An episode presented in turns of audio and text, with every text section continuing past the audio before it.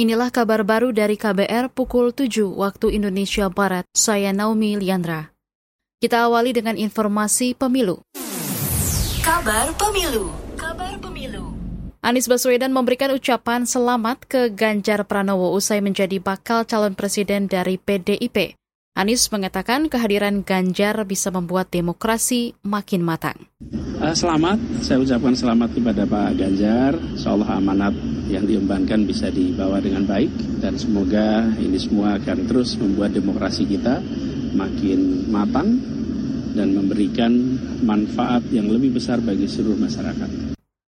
Sebelumnya PDIP menetapkan Gubernur Jawa Tengah Ganjar Pranowo sebagai bakal calon presiden 2024. Pengumuman itu disampaikan langsung Ketua Umum PDIP Megawati Soekarno Putri di Istana Batu Tulis Bogor Jumat pekan lalu. Sementara itu, Anies Baswedan didaulat sebagai calon presiden oleh koalisi Partai Nasdem, Partai Keadilan Sejahtera, dan Partai Demokrat.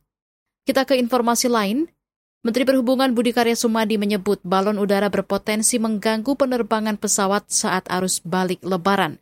Balon-balon itu banyak ditemukan di wilayah Jawa Tengah. Hal lain yang perlu kami sampaikan juga tadi di matra udara eh, dalam catatan eh, Kementerian Perhubungan di Jan Udara sudah ada balon-balon udara yang ada di Pekalongan dan Wonosobo. Eh, ini mengganggu perjalanan pesawat di tempat-tempat itu. Menteri Perhubungan Budi Karya Sumadi menyadari balon-balon udara itu merupakan tradisi masyarakat untuk merayakan Lebaran. Untuk itu, Budi meminta polisi menertibkan balon udara supaya tidak mengganggu penerbangan pesawat.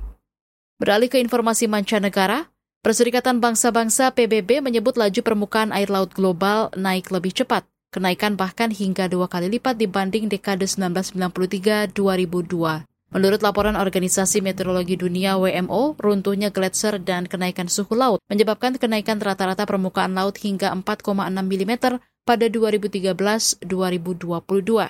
Secara total ada kenaikan hingga lebih 10 cm sejak awal 90-an. WMO memperingatkan tren kenaikan bisa terus terjadi hingga tahun-tahun berikutnya. Kondisi ini disebabkan makin banyaknya jumlah emisi gas rumah kaca yang dikeluarkan, sehingga permukaan air akan terus naik. Saudara, demikian kabar baru KBR, saya Naomi Liandra.